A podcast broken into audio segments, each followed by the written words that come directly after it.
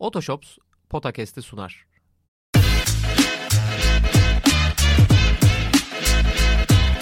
Potakest. Kaan Kural ve Orkun Çolakoğlu'yla NBA gündemine haftalık bir bakış.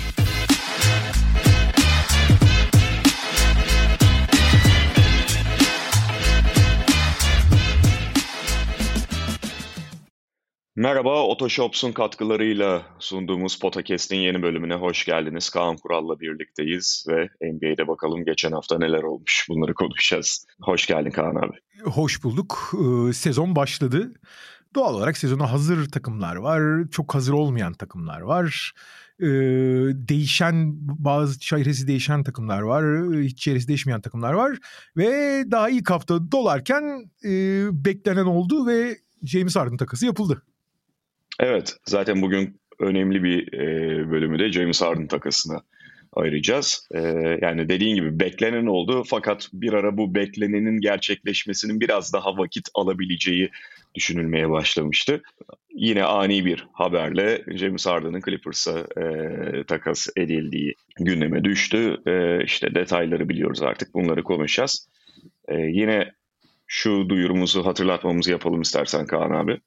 E, artık sen sıranı salmış olsan da, işini halletmiş olsan da otoshops.com'dan tüm indirimli araçları inceleyebilir ve Türkiye genelinde 18 ayrı noktada yer alan yetkili satış noktalarını ziyaret edebilirsiniz. Yepyeni ikinci el deneyimini yaşamak için Otoshops'ta yepyeni indirimler sizi bekliyor. Kaan Kural'ın tercihi.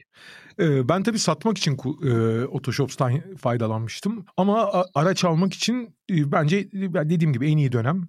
E, Otoshops'ta da indirimler var ama e, sıfır araçlarda indirimler var.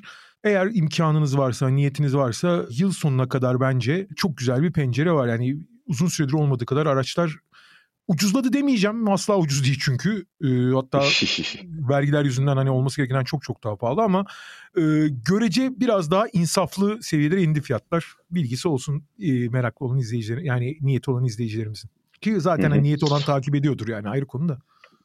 Şimdi insaflı seviyeler falan dedin. Buradan istersen James Harden takasına alayım.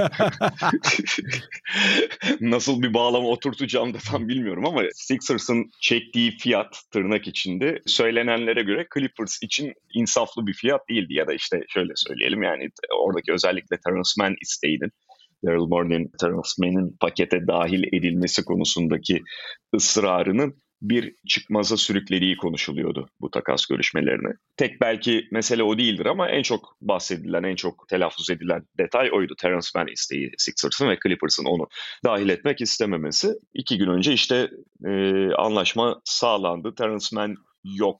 Daha çok da bir yani gelen oyuncular, giden oyunculara baktığımızda Sixers'ın kadroya kattığı oyuncular işte Nikola Batum, Marcus Morris vesaire, Robert Covington bir kez daha Philadelphia'da. Ee, bu oyunculardan tabii ki Harden'ın telafisini yaptığını söylemek imkansız. Oradaki esas mesele salary cap ayarlamaları ve tabii ki gelen draft hakları. Yani bu daha önce de konuşulduğu gibi ve takasın bu detaylarıyla birlikte de ortaya çıktığı gibi Sixers'ın ikinci bir hamle için yaptığı bir ön takas ya da hazırlık. Onlar aset biriktirmeye çalışıyordu en azından.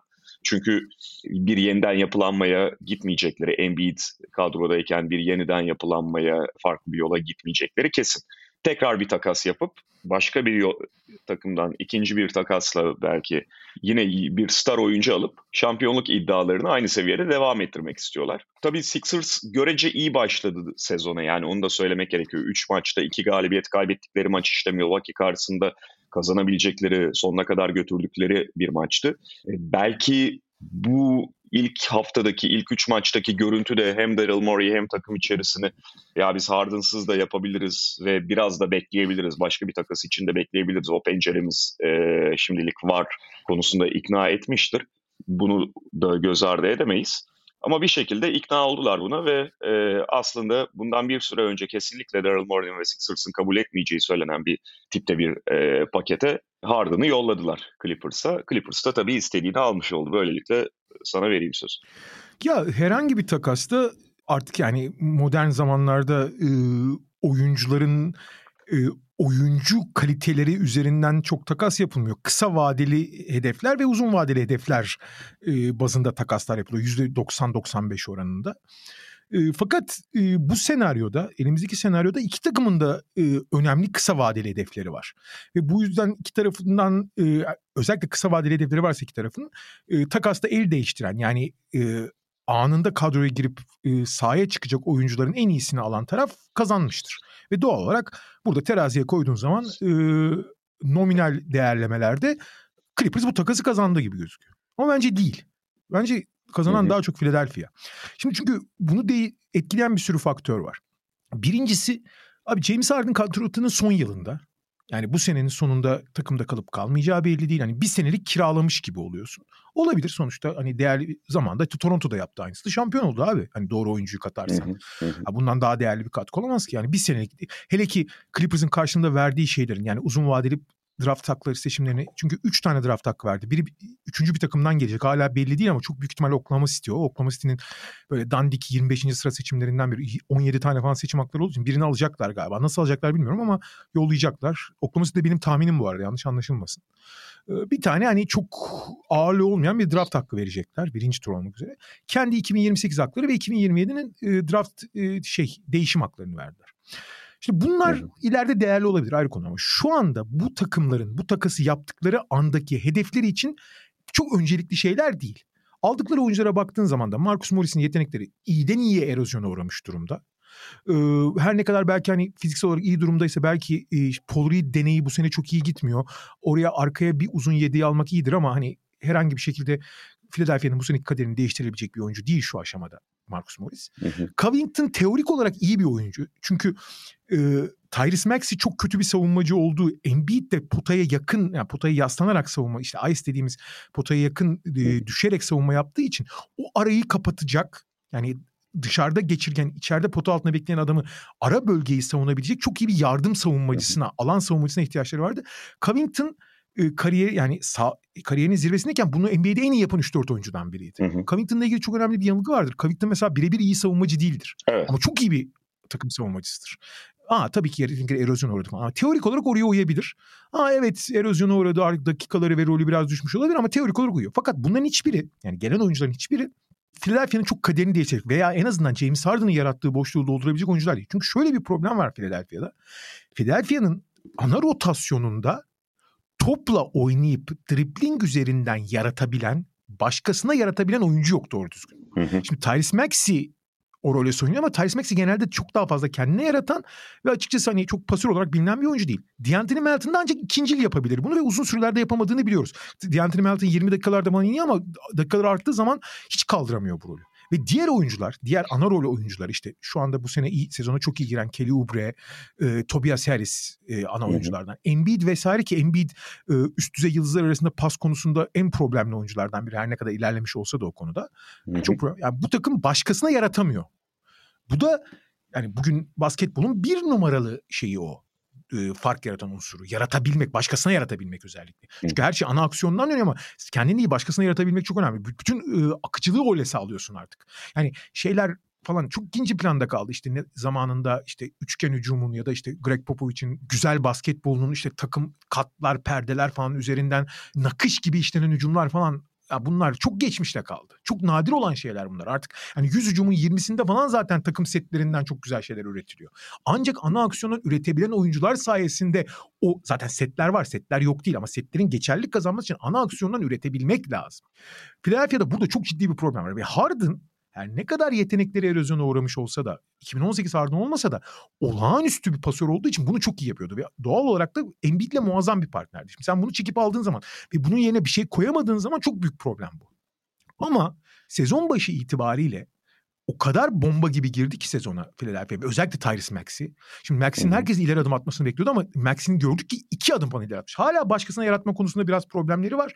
Ama Embiid'le ikili ilişkileri beklenenden çok daha iyi oldu. Çünkü Max'e anormal süratli olduğu için Embiid'e Embiid'in çok istemediği bir yerde pası verip Embiid hemen böyle e, şey yaratıcı değil ama çok basit bir şekilde geri verdiği zaman bu ikili oyundan çok şey üretiyorlar.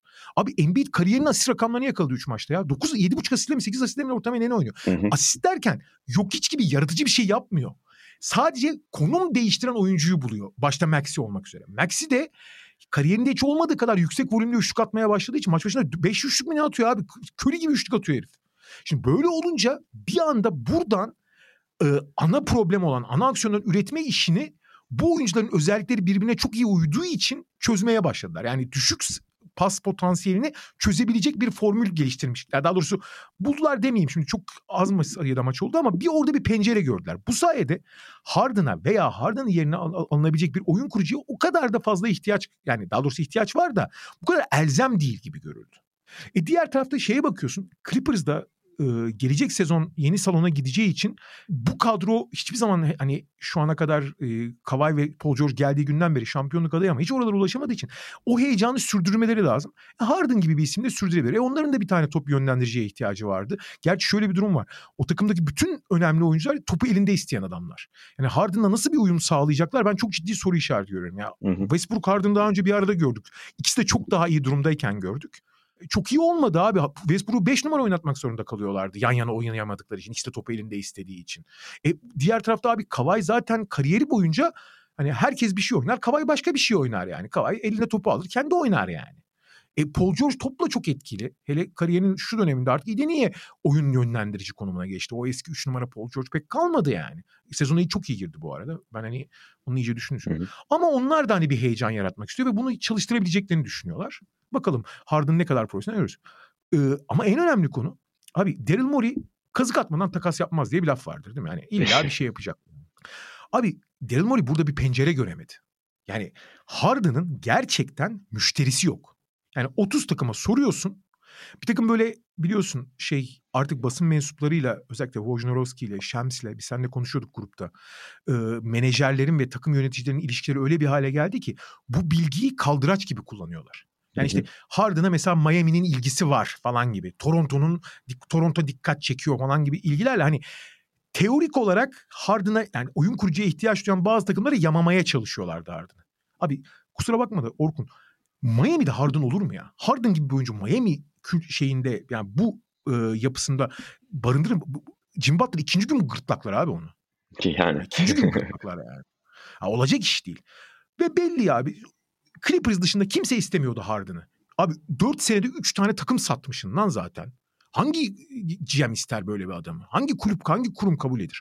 3 tane takımı sattı abi sattı. Ya üç tane takım sattı. Birçok faktörden zaten biri şey istenmeyecek bir oyuncu. Yani kali, hala kaliteli olabilir ama birincisi oyun düşüşte. Çok net. Performans düşüşte. E, kontrat problemi var. Artık mesela hiç hiç penetre edemiyor artık doğru düzgün. Öyle. Geçen sene playoff'ta da yani şey mesela iyi performansının yanında playoff'ta bambaşka geceyle gündüz gibi farklı e, döküldüğü performans beraberinde ge- gelebiliyordu iyi şut gününde olmadığında. Zaten yaşı itibarıyla falan kontrat ciddi bir problem. E, kimya bakımından da NBA'in en problemli adamlarından bir tanesi. Ya sen yaşından bahsettin ama biliyorsun kendisi çok iyi bir profesyonel olduğu için kendine çok iyi bakar. O yüzden pek Ta- ha tabii o yaşının, var. ya yaşının pek problem olacağını düşünmüyorum. Neyse Los Angeles'ta çok ben disiplinli yaşayacağını düşünüyorum. Abi zaten disiplin o her yerde disiplin. Burada daha da disiplin. Şimdi bunlara bakınca da evet çok kaliteli. Hala bence NBA'nin en iyi 2-3 pasöründen biri. Hatta bence NBA'nin en iyi ikili oyun oyuncusu. Daha iyi ikili oyun oynayan oyuncu yok. Ama abi Clippers ikili oyun oynayan bir takım değil ki. Ya ben de onu diyecektim. İkili oyunu kim istiyor abi Clippers'ta? ya Zub, Zub- en çok Zubat sevin- sevinmiştir bu işe yani. Tabii. Yani bu Paul George'la Kava'yı tamamlayacak türde bir oyuncu değil. Bir. İkincisi Russell Westbrook'u öldürdün sen abi. Yani Russell Westbrook orada hasbelkader tekrar artı değer katan bir oyuncuya dönüşmüştü. Tabii ki eski Westbrook'tan alakası yok ama Lakers gibi takıma zarar veren bir oyuncudan çıkıp ciddi ciddi belli açıdan altı artı değer katıyordu. Abi şimdi ya bu olacak iş değil Westbrook'la Harden'ın yan yana oynaması. Mümkün değil yani. Hı hı. Ne yapacak şey bilmiyorum. Onların tabii biraz daha PR, PR çabası var. Sezona çok iyi girdi abi de Clippers. Benim beklediğimin çok çok üzerinde iyi girdi yani. Ee, bu hamleyi niye yaptılar çok fazla anlamadım. Ha şeye geri dönersek Philadelphia'ya. Abi Philadelphia sen zaten söyledin. Elinde bir sonraki hamle için malzeme biriktirdi. Şimdi biten kontratlar ve draft hakları var ellerinde. Onlar bundan sonra sabırlı olup şeyi bekleyebilirler abi. Şunu hiç unutmamak lazım. Abi sezon yeni başladı. Ve bu sezon gider. Bu sezon gerçekten hedefi olan yani Washington ve San Antonio'yu bir kenara bırakırsak geri kalan her takımın belli bir miktar başarı hedefi var diyebilir miyiz abi? Tabii. Yani başarının tanımı değişmekle birlikte var. Değişmekle birlikte ama bir şekilde belli sayıda maç kazanma hedefi diyelim daha doğrusu istersen. San Antonio'nun asıl hedefi Wembanyama'yı NBA yani mümkün olan en iyi şekilde NBA'yi adapte edebilmek yani geliştirmek Washington'da NBA sonuncusu olmak istiyor teknik olarak. Çünkü takımı yeni sıfırladı. Fakat geri kalan 28 takımın tamamı belli sayıda maç kazanmak, belli sayıda e, sonuç itibariyle başı, e, galibiyet almak istiyor değil mi? Tabii yani mesela şöyle bir örnek verelim. Mesela Houston Rockets bile ya tamam biz playoff'a gireriz diyemese de geçen senelerdeki kadar paçavra olmayalım ve e, biraz daha saygın bir takıma dönüşelim hedefiyle yola çıkmış durumda. Çünkü draft hakları kendilerinde değil zaten. Yani kendi draft evet. hakları elinde. Belki ve bir aşağı yukarı bir aşağı yukarı bir kazanma kültürü işte şeyi falan da oluşturmak istiyorlar yani. Bu da bir e, motivasyon. Kesinlikle. Zaten o konuda NBA'in ben mesela NBA'in 5 sene önce en büyük problem olan tankingin artık ciddi anlamda en azından zihinsel olarak çok büyük problem olmaktan çıktığını düşünüyorum. Yani artık en kötü senelerinde bile takımların kazanma kültürünü çöpe atmadığını görüyorsun yani. E şimdi böyle bir durumda abi bu takımların önemli bir kısmı bu hedeflerinden uzaklaşacaklar. Doğal olarak. Çünkü herkes kazanamaz abi. Herkes kendi hedefine ulaşırsa söylediğini her takımın olma yani sezon sonunda olacağından 10 galibiyet üzerine çıkması lazım. Yok öyle bir dünya yani. Hani çünkü atıyorum Houston 35 galibiyet almayı hedefliyor. İşte ne bileyim Boston 65 galibiyet almayı hedefliyor. Öyle olmaz o iş yani. Hani birileri kaybedecek burada. Sakat olacak, bir şeyler olacak, başka şeyler olacak. Ve burada bazı takımların sezonun o belli bir noktasında hedeflerini değiştirdiğini, çark edebildiklerini görebiliriz. Şimdi Memphis örneği tamam mı? 0-4 başladılar. Tabii ki onların hedefleri yüksek ama Abi bir şeyleri değiştirme ihtiyacı hissedebilirler. Hı hı. Washington mesela hedefsiz dedik. Onlarda bir takım guard birikmesi var. Belli gardlar. Yani bir anda piyasaya tahmin et yani şu anda takımların ayrılmayı düşünmediği bazı oyuncuların ayrılma şeyi motivasyonu artabilir.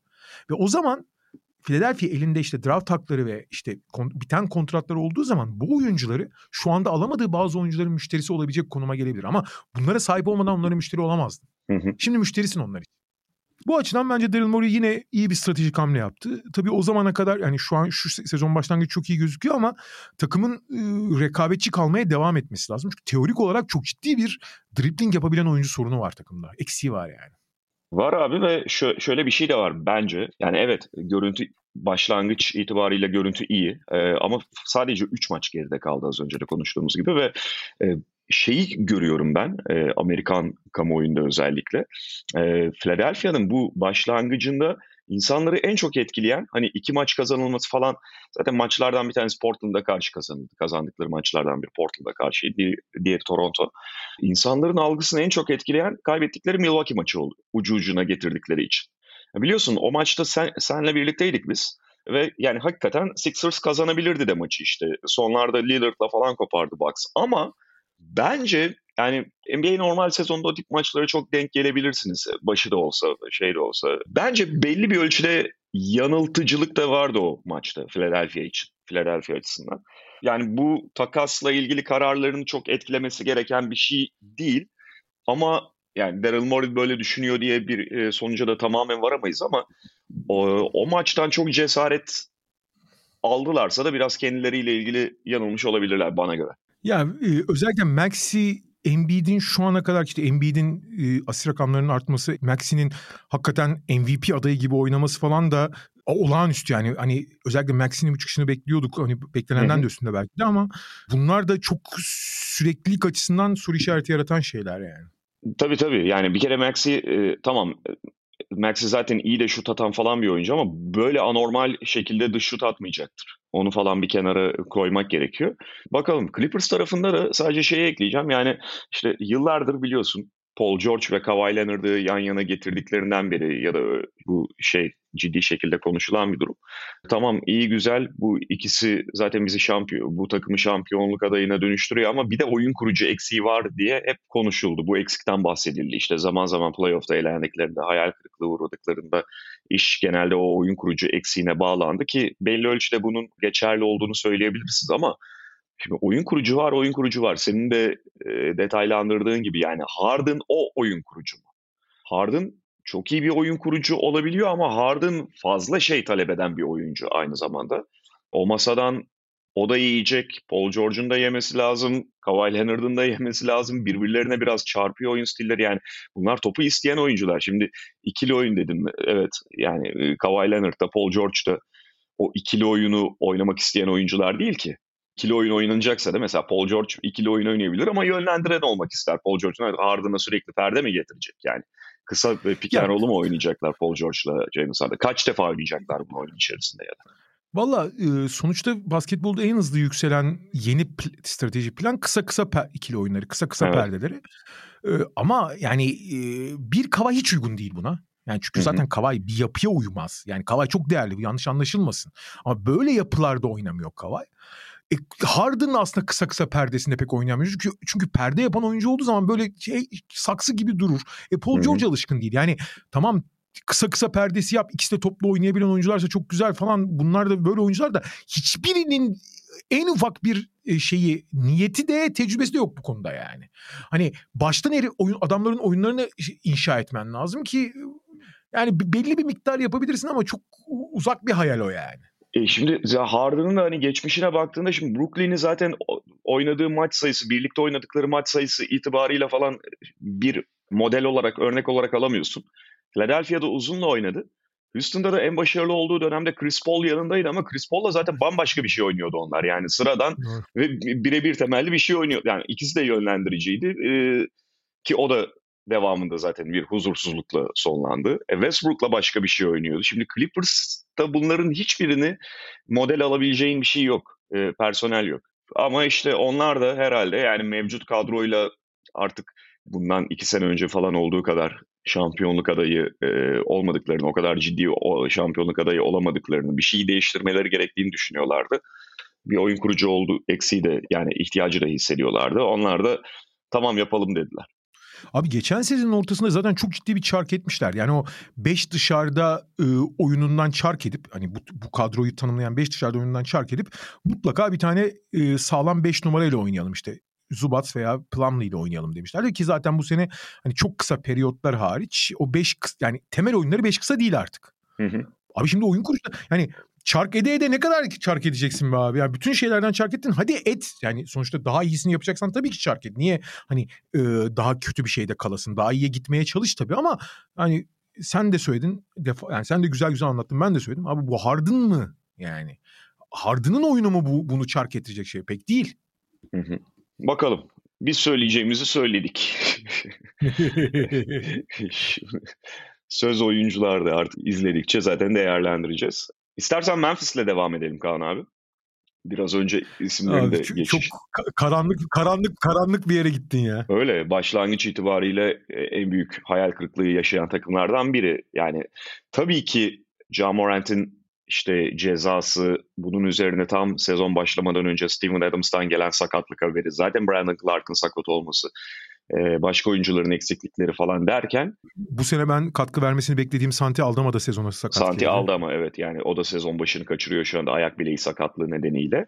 Tabii bir kadro problemi vardı sezon başı itibariyle ama yine de 4'te 0 başlamaları işte Washington maçını bile arada kazanamamaları Memphis'le ilgili soruları daha net şekilde sordurtmaya başladı. Ya şunu da söylemek gerekiyor. Ben 4'te e, 0 pardon bir de bir şey ekleyeyim 4'te 0 biri Washington dediğin gibi evet. yani olacak işte deplasman. Diğer üçü iç saha bu arada. Üç, üçünü Hı-hı. kendi sahasında kaybetti. Pardon abi devam et. Yok estağfurullah. Ya tabii şeyi de söylemek gerekiyor yani işte o kaybettiği 3 iç saha maçında tabii zor bir fikstürden de geçtiler. Yani işte Denver'la oynadı birinde zaten. Birinde Dallas Mavericks'la oynadı. Birinde de New Orleans'la oynadı. Bunlar kolay maçlar değil. Ama problem şu zaten. Hani bir e, Washington maçını kaybedip... Hocam bugün artık NBA'de ko- NBA'de kolay maç kalmadı Orkun Bey. Ee, hem öyle şöyle diyeceğim. Yani bu Memphis kadrosu için zaten kolay maç diye bir şey yok. Arada işte Washington falan olursa var. Ee, ben şeyi pek anlamamıştım abi. Yani sen de denk gelmişsindir. Sağda solda şeyi falan görüyordum. Bir Kevin Pelton, John Hollinger gibi Bunlar böyle Onur Erdem'in fantezi makinesi gibi bir şey mi soktular nedir? İkisi de istatistikçi ya.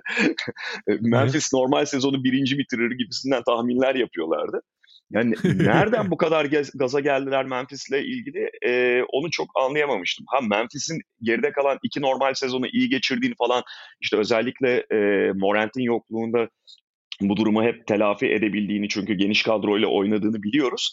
Fakat sorun şu ki belki onu biraz göz ardı ettiler. Memphis'in oradan oradan giderken artık geniş kadrosu da kalmadı. En azından bugün itibariyle. Yani Jamorant de sakatken işte e, Santi Aldamas'ı. Artı Jamorant Jamorant sakatken en önemli güvence Tyus Jones da o gitti. Ha Tyus Jones'tu. Şimdi tamam oraya Marcus Smart'ı getirdiler. Yani teorik olarak yine aslında bir step ne var da bütünüyle aynı oyuncuda değiller.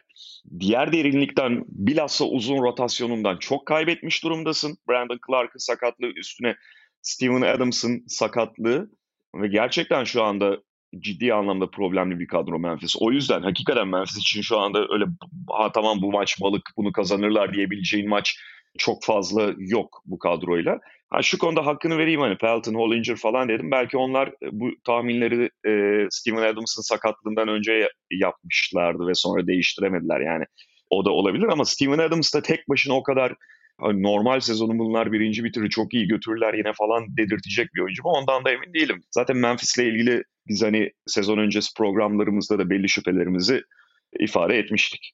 Ki o zaman da Steven Adams sakat değil.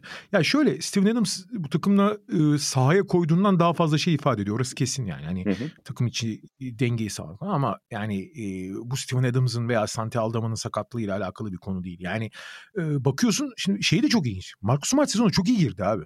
Hı hı. Ya geçen seneden çok daha iyi gözüküyor. E Desmond Bain takımın ana skoreri olarak yani şu dönemde taşıyıcısı olarak ilk maç bocalası da hiç fena yani kendisinden bekleneni veriyor değilim. Hani süper oynuyor diyemeyiz. Jaren Jackson Jr. biraz hani ondan daha yüksek beklentiler vardı en azından hücum anlamında. Ee, orayı çok çok karşılamıyor ki hani ondan istikrarlı bir şekilde bence hücumu çok geliştirdi bu arada. Yani sadece işte dışarıdan belli bir yüzdeyle şut atan uzundan çok ciddi post-up üzerinden üretebilen oyuncuya dönüştü. Onlara hiçbir şey demiyorum. Ama bunu istikrarlı yaptığını veya istikrarlı sahada kalabildiğini zaten foul problemi nedeniyle söyleyemiyorsun. Ama bu parçalar bir araya gelmiyor abi.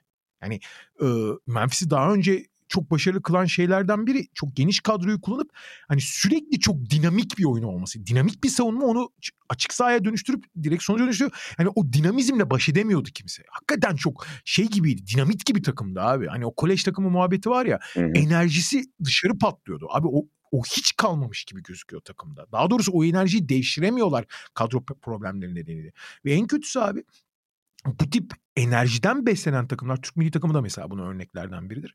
O enerjiden beslemediği zaman bu sefer negatif yani şey gibi artı değeri katamıyorsan nötr olmuyorsun. Eksiye düşüyorsun abi. Artı değer katamıyorsan bu sefer şey yapıyorsun. E, elin ayağınla dolanmaya başlıyor. Abi Washington maçını seyretsen ulan biz bu maçı nasıl kaybederiz nasıl kaybederiz diye panik ola ola kaybettiler yani. ee, ve e, ne olursa olsun abi şey böyle takımlar için yani sonuçta galibiyet abi e, pek çok şeyin ilacıdır muhabbeti var ya. Hı hı. Doğru fakat bunun hani derinliğe inersen şey bu. Galip geldiğin zaman abi doğru yaptığın şeyleri bazı alanlarda fedakarlık ettiğin şeyler işte ne bileyim kendi şut atmak yerine başka takım arkadaşına verdiğin şutlar geri koşma motivasyonu falan bunlar doğru yaptığın şeyler pekişir. Abi bak işte bu kadar çaba gösterdik yani böyle şeyler yaptık bu kazanmamıza yol açtı deyip içsel bir pek, e, pekiştirme olur. Bunu telkinle çok kolay yapamıyorsun. Daha doğrusu telkinle yapılan şey pekiştirilir. Ama mağlubiyet de tersi oluyor abi. Yani iyiden iyiye panik, iyiden iyiye kendi yani doğru yaptıklarının da e, zaten en büyük büyük takımların en büyük özelliği abi yenilirken doğru yaptığı şeyleri unut yani doğru yaptığı şeyleri çöpe atmaması. Yani bir şeyleri değiştireceğim derken doğru yaptığın şeyleri çöpe atmaman lazım. Sadece yanlışları atman lazım. Kazanırken de eksik ve yanlış olan şeyleri göz ardı etmeyeceksin. Yani aa kazandık böyle yapalım gene. E, abi sen doğru yaptıklarını yap ama eksik ve yanlışları da daha iyiye götürmeye çalış. Şimdi e, yenildiğin zaman arka arkaya bu sefer doğru yaptığın şeyler de gölgelenebiliyor. E, yani panik dersin, şey dersin, hani değiştirme ihtiyacı dersin vesaire. E, hele Batı'nın bu seneki rekabetçiliği düşündüğü zaman Memphis için hakikaten çok zor bir, e, baş, çok patinaj bir başlangıç bu yani. Öyle ve Marcus Smart'tan bahsediyorduk abi. Senin de söylediğin gibi aslında Marcus Smart kötü başlamadı gibi kendi adına ama e, hani Tyus Jones'la farkı e, yani aynı olmadıklarını falan söyledik. Ya mesela Marcus Smart'ın şu başlangıcında şimdi tam istatistiği söyleyeceğim. E, çünkü bence ciddi problemlerden biri. 5.8 asistle oynuyor maç başına. Ki bunu da son maçın son maçta yaptığı 9 asist biraz e, yukarı çekti. Ama 5.8 asiste karşılık 3.8 de top kaybediyor Marcus Smart. Ki mesela o Dallas maçında da 9 asist yaparken 6 top kaybetti. Şimdi Tyus Jones nasıl bir oyuncuydu? Hem Morant oynarken yani onun olmadığı dakikalarda işte kenardan geldiğinde hem onun olmadığı maçlarda ilk 5 başladığında Tyus Jones topun kıymetini bilen bir oyuncudur. O top kaybını engelleyen biraz yani e, onu kıymetli şeyler kılan şeylerden biri de başlıcası da belki bu. Fakat sen oyun kurucundan böyle bir denge alamadığında zaten problemli bir takımken zaten yaratmakta falan zorlanacakken iyice sıkıntılı hale geliyorsun. Şu anda onun da sancılarını yaşıyorlar. Yani Marcus Smart'ı zaten alırken evet sadece soyut katkıları üzerinden değerlendirmediler. Yani gelsin soyunma odasını toparlasın işte Jean Morant'i falan abilik etsin. Sadece bunlar için almadılar elbette Marcus Smart'ı. Ama önemli bir bölümü de esasında Marcus Smart transferinin onlar açısından motivasyonunun buydu. Fakat şimdi Morant'in olmadığı ve kadronun da bu kadar sıkıntı yaşadığı bir şeyde Marcus Smart da bir Boston Celtics'te olduğu kadar ya da bu tam kadro bir Memphis kadrosunda kadrosu içerisinde olacağı kadar değerli olmayabilir bu Memphis takımı için. Çünkü ona da çok fazla topu verdiğinde e, çok fazla karar vermesini, e, direksiyona geçmesini beklediğinde nasıl problemler beraberinde getirdiğini biliyoruz. O konuda yani muazzam ilerledi ama hala evet problemler getiriyor. Onlar tabii teorik olarak şey düşünmüşlerdi. Yani Dylan Brooks'tan takımdan ayrılmak istiyorlardı. Hem Dylan Brooks'un hem Tyus Jones'un yaptığı işleri yapabilen adam olarak bakıyorlardı. Aslında yani kağıt üzerinde çok haksız değiller yani. Hani Tyus Jones'un oyun kurucu özellikleri Dylan Brooks'un işte hani birebir e, yıpratıcı savunmacılığı ki geçen sene bu konuda çok geri adım atmıştı. Çok kötü bir savunma sezonu geçirdi Marcus Smart. Ama yani hani onun bir sezonluk olacağını, burada tekrar e, kendi bulacağını inanıyorlardı. Dediğim gibi Marcus Smart iyiyse başladı sezona. Sorun ama Marcus Smart da değil zaten yani. Hani e, sorun özellikle bu eksikler nedeniyle hatırlarsın abi geçtiğimiz yıllarda 11-12 oyuncuyu yani Tillman'ı koyardı, Konçar'ı koyardı. Yani hiç bilmediğin işte oyuncuları oynatıp onlardan belli bir seviyede bir verim alırdı.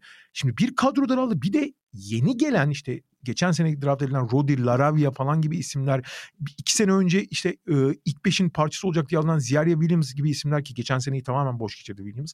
Bunlardan hemen hemen hiçbir şey alamıyorsun. Ziyaria Williams gene hani çok kötü değil de kenardan gelen Rodi'ler, Laravia'lar falan girdiği anda direkt zaten e, ilk beşin zorlanarak yaptığı şey de çöküyor. E bir taraftan da Jaren Jackson Jr. zaten 30 dakikadan fazla oynayamıyor kendi kendini baltaladığı için. 30 dakika bulursa ne öpüp başına koyuyorsun. E zaten e, yani e, sahaya belli dakikalarda doğru düzgün oyuncu koyamıyorsun. Yani Smart, Bale falan iyi oynasa da bir şey değişmiyor yani. Ya bir de işte o Konçarlar, David Roddy'ler falan bunlar işte hani sürekli olarak hücum hücumda bir şey yaratacak oyuncuya beraberinde muhtaç oyuncular abi. Onlar bitirecek sadece, Hı. boş şut atacak falan. Tamamlayacaklar yani. Ee, bir de onu... bir de bu takımın e, genel aurasını kaybettiğin zaman daha da düşüyor bu oyuncular. Evet yani bu oyuncuların kıymeti ortadan kalkıyor ya da, ya da çok azalıyor. İşte bir Morant'in olmadığında e, ya da işte şu anki oyun kurucu e, rotasyonunla bu kadar e, top kaybı oranı falan yüksek olduğunda bunların da kıymeti azalıyor. E, kaliteli şut yaratamıyorsun zaten. Yani pot altı oyuncuların falan bile e, işte verimlilikleri şeyleri çok düşmüş durumda. Çünkü kolay pozisyon zaten hiç kimseye oluşturamıyor, yaratamıyor Memphis Grizzlies.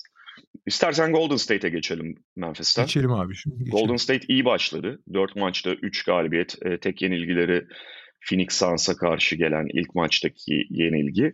Ve yani yani şunu söylemek gerekiyor. Şimdi her oyuncu en üst düzey form durumunda değil Golden State'te. Cayır cayır basketbol oynuyorlar falan diyemeyiz. Ama Herhalde bu dört maçta üç e, galibiyetlik başlangıç ilk hafta görüntüsünde Golden State açısından en ümit verici olan sezon başlarken de aslında onlarla ilgili en büyük soru işaretini oluşturan Chris Paul ve Chris Paul'un takıma oturması durumu. Hı hı hı. Tabii e, Draymond Green geldikten sonra Chris Paul'un artık bench'ten getirilmesi falan da e, bence daha da taşları yerine oturttu Golden State'te. Daha yani olması gerekene yönelik bir hamle oldu bu. Ve tabii ki örnek grubu henüz çok küçük olmakla birlikte şu anda Chris Paul bu takımda hani teorik olarak bekleyebileceğinizi veriyor ve şey bayağı da katkı sağlar durumda. Stephen Curry yine çok iyi başladı. Dediğim gibi yani bütün oyuncular için bireysel olarak bakıldığında hepsi e, beklenen düzeyde hepsi çok iyi durumda denilemez. İşte Andrew Wiggins iyi gözükmüyor şu anda çok. E, Clay Thompson'ın problem maçları oldu falan ama takım olarak Golden State Chris Paul gibi bir oyuncuyu için içine dahil etmesine, entegre etmesine rağmen çok da bu e, sallantıyı yaşamıyor gibi. Golden State'in ilk Phoenix maçını sezon açılış Phoenix maçı çok inişli çıkışlıydı. İyi bölümleri vardı, kötü bölümleri vardı falan filan. Ama sonra gayet iyi gözüktüler. Sen de özetledin zaten.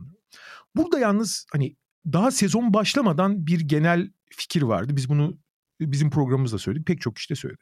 Abi Chris Paul'un yaptıklarıyla bu Golden State'in yani işte Steve Kerr, Stephen Curry'li dönemin yani bu hanedan Golden State'in ya, ya da Draymond Green, Stephen Curry demek daha doğru belki de. Hani onların hı eksenindeki takım. Yaptıklarıyla alakası yok abi. Bu ikisi birbiriyle barışmaz. Mümkün değil.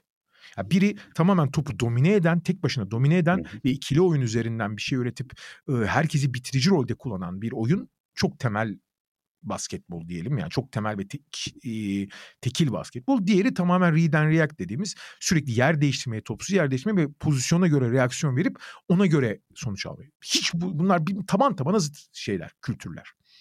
Ha iki tarafta birbirine yaklaşabilir ayrı konu ki zamanında özellikle o Golden State'in Durant ayrıldıktan sonra ilk sezonu 2019 sezonunda çok daha fazla ikili oyun oynadığını görmüştük. Ya, yapabilirsin yani yapamayacağın iş değil ama e, ana kültürler farklı. Ve açıkçası hani Chris Paul ilk iki maçta ilk beş başladıktan sonra ya, bunun çok çok da iyi sonuçlar da vermediği görüldü. Ha şey çok önemli. Chris Paul geçen sene artık fiziksel olarak çok düşmüş, yaşlanmış ve abi bir daha asla eski seviyesine gelmemiş. Çünkü hani fizik olarak bitik gözüküyordu. Ki hatırlarsın Chris Paul aslında 3 sene önce fizik olarak çok düşmüştü. Hı hı. Yani Oklahoma City'de bir tekrar ayağa kalktı falan ama yani yaşadığı sakatlıklar, oyun stili falan filan derken hani dizlerinin durumu biliyorsun dizlerinde iyice niye şey menisküs erimesi falan var. Hı hı. E, abi bitti yani kariyer sakatlıklarla bitti bitti. Zaten yaşta ilerledi falan deniyordu. Sonra tekrar bir rönesans yaşadı. Phoenix'te final oynadığı sene falan ama geçen sene çok kötü gözüktü abi. Yani hakikaten sezonun ikinci yarısında abi top vermiyorlardı adama ya. Abi Chris Paul'a top vermiyordu Phoenix yani. Abi sen hareket edemiyorsun düzgün diye yani. Hı hı. O da sabit şutöre dönüşmeye çalışmıştı hiç yapmadığı gibi. Köşede üçlük atıp duruyordu. Ee, bir kere çok iyi gözüküyor Paul fiziksel olarak. Ha bu ne kadar sürer ayrı konu ama şu anda iyi gözüküyor. Ve ikinci beşe yerleştikten sonra olağanüstü bir şey oldu abi. İlk beş bildiğimiz Golden State basketbolunu oynuyor. Şimdi Wiggins kötü girdi sezona. Draymond Green sakattı. Clay Thompson aslında iyi girdi ama bir şey yaptı. Bocalı bir maç oynayamadı falan filan. Ee, Looney iyi girdi falan ama önemli değil abi. Stephen Curry zaten yine inanılmaz bir seviyede oynadığı için. E, ben Curry'nin en iyi döneminin geçen sene olduğunu düşünüyorum. 2016 çok büyülü bir sezon olabilir ama en iyi Curry'i biz geçen sene izledik. Oradan devam ediyor abi.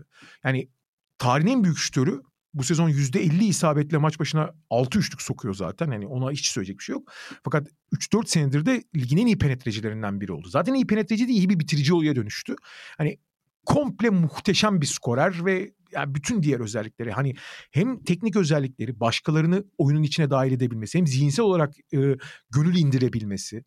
Yani pool'un arkasından yedekten gelmeyi kabul eden bir adam abi. Son 15 yılın en büyük iki yıldızından birinden bahsediyoruz yani. Son 15 yılda LeBron ve e, Curry'dir abi en büyük iki yıldız. Hani Durant'i belki biraz sayabilirsin ama öyledir. Hı hı. Buna gönül indirebilen bir adamdan bahsediyorsun. Teknik olarak da soyunma odası olarak da. Fakat şu anda işte son şampiyonluğun 2022 şampiyonluğunun baş kahramanı şehrin en büyük yıldızı falan ama her şeyi götürüyor. Şu anda geçen seneden devam ettiği için o sistem çalışıyor. Fakat şeyin en büyük sorunlarından biri Durant sonrası Golden State'in Curry, Draymond yani ana yapı sahada olmadığı zaman oyunun çok düşmesiydi. İşte yani bu işte Kumingalardan, Moody'lerden çok bir şey alamadıkları için o yapıyı sürdürmenin zaten zorluğu. Her oyuncu bunu adapte olamaz. Mesela en güzel örneği Kelly Oubre'dir abi. Kelly Oubre Phoenix'te de daha sonra Charlotte'da da şimdi Philadelphia'da da değerli bir oyuncu. Tamam çok verimli falan olmayabilir ama artı değer katan bir oyuncu. Abi Golden State'te ay, antrenman sahasına sokmayacaklardı adamı. Çünkü hiç uyamıyor abi hiç kafa basmıyor bu oyuna yani. Hiç uyamıyorsun. Çünkü gerçekten en iyi basketbolcunun bile çok ciddi zamanını alır bu oyunu adapte olabilmek. Ama adapte olmak zorunda da değilsin. Başka türlü oynamak da mümkün. Şimdi Chris Paul de gelip bu işte e, çok e, eli ayağına dolanan, ne yapacağını bilmeyen, yönetilmeye muhtaç olan oyuncuların e, bu işte Taylor neydi e, çaylak oyuncunun adı? Griffin Jackson. Ha Griffin Jackson e, işte Moses Moody, Kuminga gerçi sakatlandı şimdi ama bu oyuncuları öyle güzel idare ediyor ki onlarla öyle güzel bir iletişim kuruyor ki her şey şey gibi New Orleans'daki Chris Paul gibi abi. Tamam mı? Resmen gamepad'le oynuyor. Sen şunu yap, sen şuraya git falan. Ha onlardan aldığı ikili oyunlarda orta mesafeleri sokabiliyor ki çok önemli. Geçen sene hiç atamıyordu yani. Fiziksel olarak iyi olduğu için sokabiliyor. Abi ikinci beşle bu yedeklerle idare edilmeye mahkum oyuncularla gerçekten iyi bir yapı kurup oyunu tutuyor. Bir oyun oynuyor orada.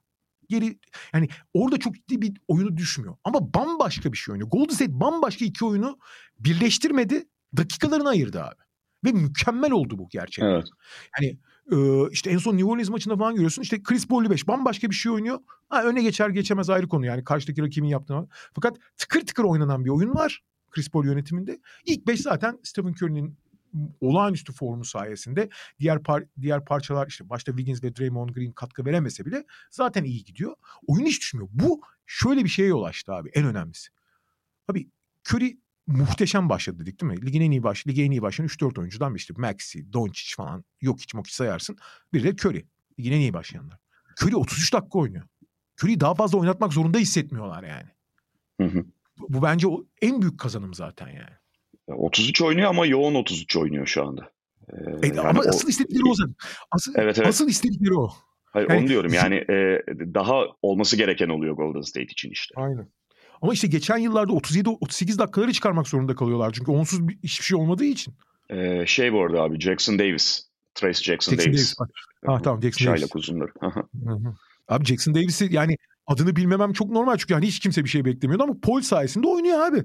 Tabii canım. Yani gerçekten görüntü iyi. Şimdi hani bu basit bir şey gibi gözükebilir ama NBA tahammülleri için de çok yapılabilen bir şey de değil diğer taraftan. Hani Chris Paul statüsünde, Chris Paul kariyerinde bir oyuncunun kenardan gelmeyi kabul etmesi. Bunu saçma görebilirsiniz. Bize göre de öyle yani defalarca farklı örnekler üstünden bunu konuştuk. Ama NBA'de bu kolay kolay ikna oyuncuların ikna edilebildiği bir rol değişimi değil. Hele ki Chris Paul gibi kontrol manyağı. Iı, hem kontrol manyağı hem büyük kariyer. Büyük kariyer ve böyle şeyleri de çok hani şey böyle şeyleri mesela Stephen Curry'e bunu söyleyebilirsin tamam mı? Curry şey Paul'e de söylenmez çok ters adamdır o konularda yani. Çok onu bir ego kendi egosuna ve kendi karakterine biraz hakaret gibi görür normal. Çünkü zaten sezon başında bu e, yedek gelecek mi falan muhabbeti olduğu zaman Curry ya olmaz öyle şey. Chris Paul diyor ne, ne, ne diyorsunuz lan falan filan demişti hatırlayacaksın daha hani bunu Hı-hı. teoride konuşulurken yani. Yani NBA'de e, yakın geçmiş, daha uzak geçmiş, e, bu kadar basit bir kadro dengelemesini ve ayarlamasını yapamadığı için karman çorman hale gelen ve bir türlü optimumu bulamayan, sonra da başarısızlığa giden ya da beklenen seviyede başarılı olamayan çok örnek takım var. Doğru. Ha şunu da söyleyeyim yani e, şimdilik bu aşamada bu herkesin memnun olduğu gibi bir formül gibi olabilir ama ee, yarın bir gün yine Chris Paul da en azından maç bitirirken falan daha fazla rol isteyebilir. Bu beraberinde e, belli çatışmalar ya da çatışma olmasa da saha içerisinde uyumsuzluklar da getirebilir. Orasını göreceğiz. Daha fazla tabii ki izlemek gerekiyor ama sezon başı itibariyle görüntüyü konuşuyoruz şu anda. Ve yapılması gerekeni yaptılar. Ee, şeyi söyledik yani Curry'nin yoğun 33 dakika oynaması, onun 30 dakika 8 dakikalara çıkmaması olumlu olduğu gibi Chris Paul'un de böyle 24-25 dakikalarda ya yan yana oynadıkları küçük bir bölüm de oluyor. 24-25 dakikalarda olup onu yoğun oynaması da Chris Paul için de çok iyi. Çünkü e, ya Chris, Chris Paul'un fiziksel olarak bu seviyeyi ben koruyamayacağını düşünüyorum. O düşmeye başladığı zaman ne olacak ayrı konu. Yani o zaman göreceğiz. Hı-hı. Ama bunun mümkün olan en uzun süre koruyabilmesi adına belki de sezon boyunca koruyabilmesi adına bu süreleri böyle oynaması çok da onun için de çok iyi aslında. Evet, evet. Yani işte dediğimiz gibi aslında yani birçok takımın bir türlü bulamadığı ya da kendi içerisinde belli şeyleri ikna süreçlerini falan geçemediği için ortaya çıkaramadığı bir durum bu. İşte dakikaları azaltıp oyuncularda o ya da rolü azaltıp o dakika o rol içerisinde daha yoğun şekilde onun yapılmasını sağlamak. İstersen son olarak Milwaukee Bucks'ı konuşalım Kaan abi. Hı hı. Ee, Milwaukee Bucks'ta da sonuçta sadece 3 maç geride kaldı. 2 galibiyet, 1 yenilgi var. Bu 3 maç itibariyle neleri gördük? Ondan bahsedebiliriz. Abi e, Milwaukee'nin yolu var ama e, Yanis Lillard e, ikilisi gerçekten vaat ettiği şeyleri yapabilecek onu gösterdi. Yani ilk maçı çok uyumsuz yani uyumsuz derken birbirleriyle uyumsuz ama iyi oynadılar. İkinci maçı Lillard çok kötü oynadı. Olabilir. Hı. Yeni maç, yeni takım falan. Ee, ama bu, bu ikilinin vaat ettiklerini yapabileceğini sağ üzerinde gördük. Hı. Ama sanki sanki çok ciddi yani ciddi bir şekilde zamana ihtiyaçları var. Bir. İkincisi Yanis'in hala e, o bünyesindeki şeyleri çok azaltmadığını yani hani e, ne derler işte çarçur ettiği hücumlar diyeyim onları. Çarçur ettiği hücumları çok azaltmadığını gördük ama en azından niyeti var. E Brook Lopez de iyi durumda. Yani burada e, Lillard Yanis bir araya gelirken ne vaat ediyorsa onun olabileceğini Çok da şüphe yoktu zaten bu oyuncular sağlıklı olduğu sürece. Olabileceğini gördük ama olduğunu görmedik. Hı hı. Onun için çok ciddi zamana ihtiyacı var. Burada esas sorun şimdi bu ikili takımın temel temeli ama bir de kirişleri var bu takımın. Yani kat çıkabilmek için. Bunlardan biri Brook Lopez. Bence orada bir sorun yok. Brook Lopez geçen seneki çizgisine yakın gözüküyor en azından şimdilik. Hani onu koruması da bir bence soru işaretiydi geçen sene. Çünkü onun da yaşı ilerliyor. Kadronun çok daraldığını biliyoruz. Burada işte e, katkı verebilecek oyuncular işte Bobby Portis'ler e, yani detay katkı verebilecek oyuncuların ne yapacağı takım için belki de katma değer açısından önemliydi. Mesela şey var takımın hiç iyi dış savunmacısı yok ama Marjon Beauchamp'i oraya biraz kanalize etmeye çalışıyorlar. Hani Hı hı. dış savunma kitleyicisi gibi ki hani onu en azından rolü kabullenmiş gibi gözüküyor. Ne kadar iyi yaptığı biraz tecrübe kazandıkça da göreceğiz. Ee, buralarda çok çok da fazla problem yok gibi. Bunların hepsi bir araya gelmiş. Yani daha doğrusu inşaatın malzemeleri falan var. Ama inş, daha şey e, yapım aşamasında yani bina bitmemiş sezon başında ama bina hala şeyde Türk inşaat şeyleri gibi vaat ettiği tarihte bina yapılmadı. Fakat bir tane bir tane çok büyük soru işareti var. O konudaki şeyde hiç cevaplanmış değil. Ana kiriş olan, ya temel değil ama ana kiriş olan Chris Middleton ne durumda ve ne yapıyor? Valla benim sahada gördüğüm Middleton sağlıklı gözüküyordu. Yani hiçbir şekilde tabii ki eski o sakatlıklar öncesi gibi süper atlet değil ama herhangi bir şekilde bir fiziksel rahatsızlığın onu sınırladığı gibi bir görüntü yoktu sahada. Ama bir tane maçı dinlendirmek için oynattılar. Bir maçta da on, sadece 17 dakika oynattılar. Ve hiçbir maçta da çok böyle tamam eski Middleton olmasını yani ikinci opsiyon olmasını kimse beklemiyor ama üçüncü hatta dördüncü opsiyon olmalı. Ve aynı zamanda Lillard dışında top ikinci top yönlendirici olarak çok değerli bir oyuncudur çünkü Middleton. Bunları yapabilmesi yani daha doğrusu Middleton'ın belki kariyerinin zirvesinde olduğu kadar değil ama o ıı, zirvesinde olduğu seviyede değil. Yani çok üst seviyede değil ama aynı işleri yapmasını bekliyor Milwaukee. Yani ikili oyun oynayacak, nokta şut sokacak. Tamam savunma artık eskisi gibi değil. Eskiden iyi savunmacıydı şimdi değil. Yapmasın mesela ama hücumda vaat ettiği şeyleri ikili oyun oynayabilme, şut sokabilme, üçün, ikinci değil ama üçüncü hatta belki de dördüncü opsiyon olabilme özelliklerini kaldırabilecek mi? Buna henüz yanıt alamadık. Olumsuz veya olumlu yanıt alamadık bence. Benim sahada gördüğüm fizikselliği iyiydi. Performansı kötüydü. Fiziksel olarak iyi performans olarak kötü olabilir bir oyuncu. Buna henüz yanıt alamadık. Ve eğer buna olumlu yanıt alamazsak diğer sac ayakları iyi olsa bile bu kadar dar bir kadronun ve özellikle sorumluluk verebilecek oyuncu sayısının az olduğu. Çünkü Yanis ve Lillard'dan sonra Brook Lopez'le mi şey yapacaksın abi yani hani hücum edeceksin. Ee, o üçüncü ayağa çok ihtiyaç var ana kirişe. Şampiyonluk iddiası için cevaplanamamış soru o bence şu ana kadar. Ve yani şimdi Chris Middleton sahada gördüğümüzde en azından şey dedin abi bence hani bu kadar az oynaması da Chris Middleton'ın sezon başı itibariyle tamam yani koruma falan anlıyorum ama sa- 16-17 dakikalarda kalması süresinin o beni biraz endişelendirdi. Ya Philadelphia maçını tıkır tıkır oynadı sonuna kadar. Sonra bir maç dinlenip ondan sonra dinlendiği maçın arkasında 17 maç dakika oynaması esas endişe verici olan zaten. En endişe verici olan o. Yok Philadelphia'da da ama az, az oynayabildi yani. Tuhaf geldi bu kadar sezon başı. Tam ameliyattan geliyor falan da yine de.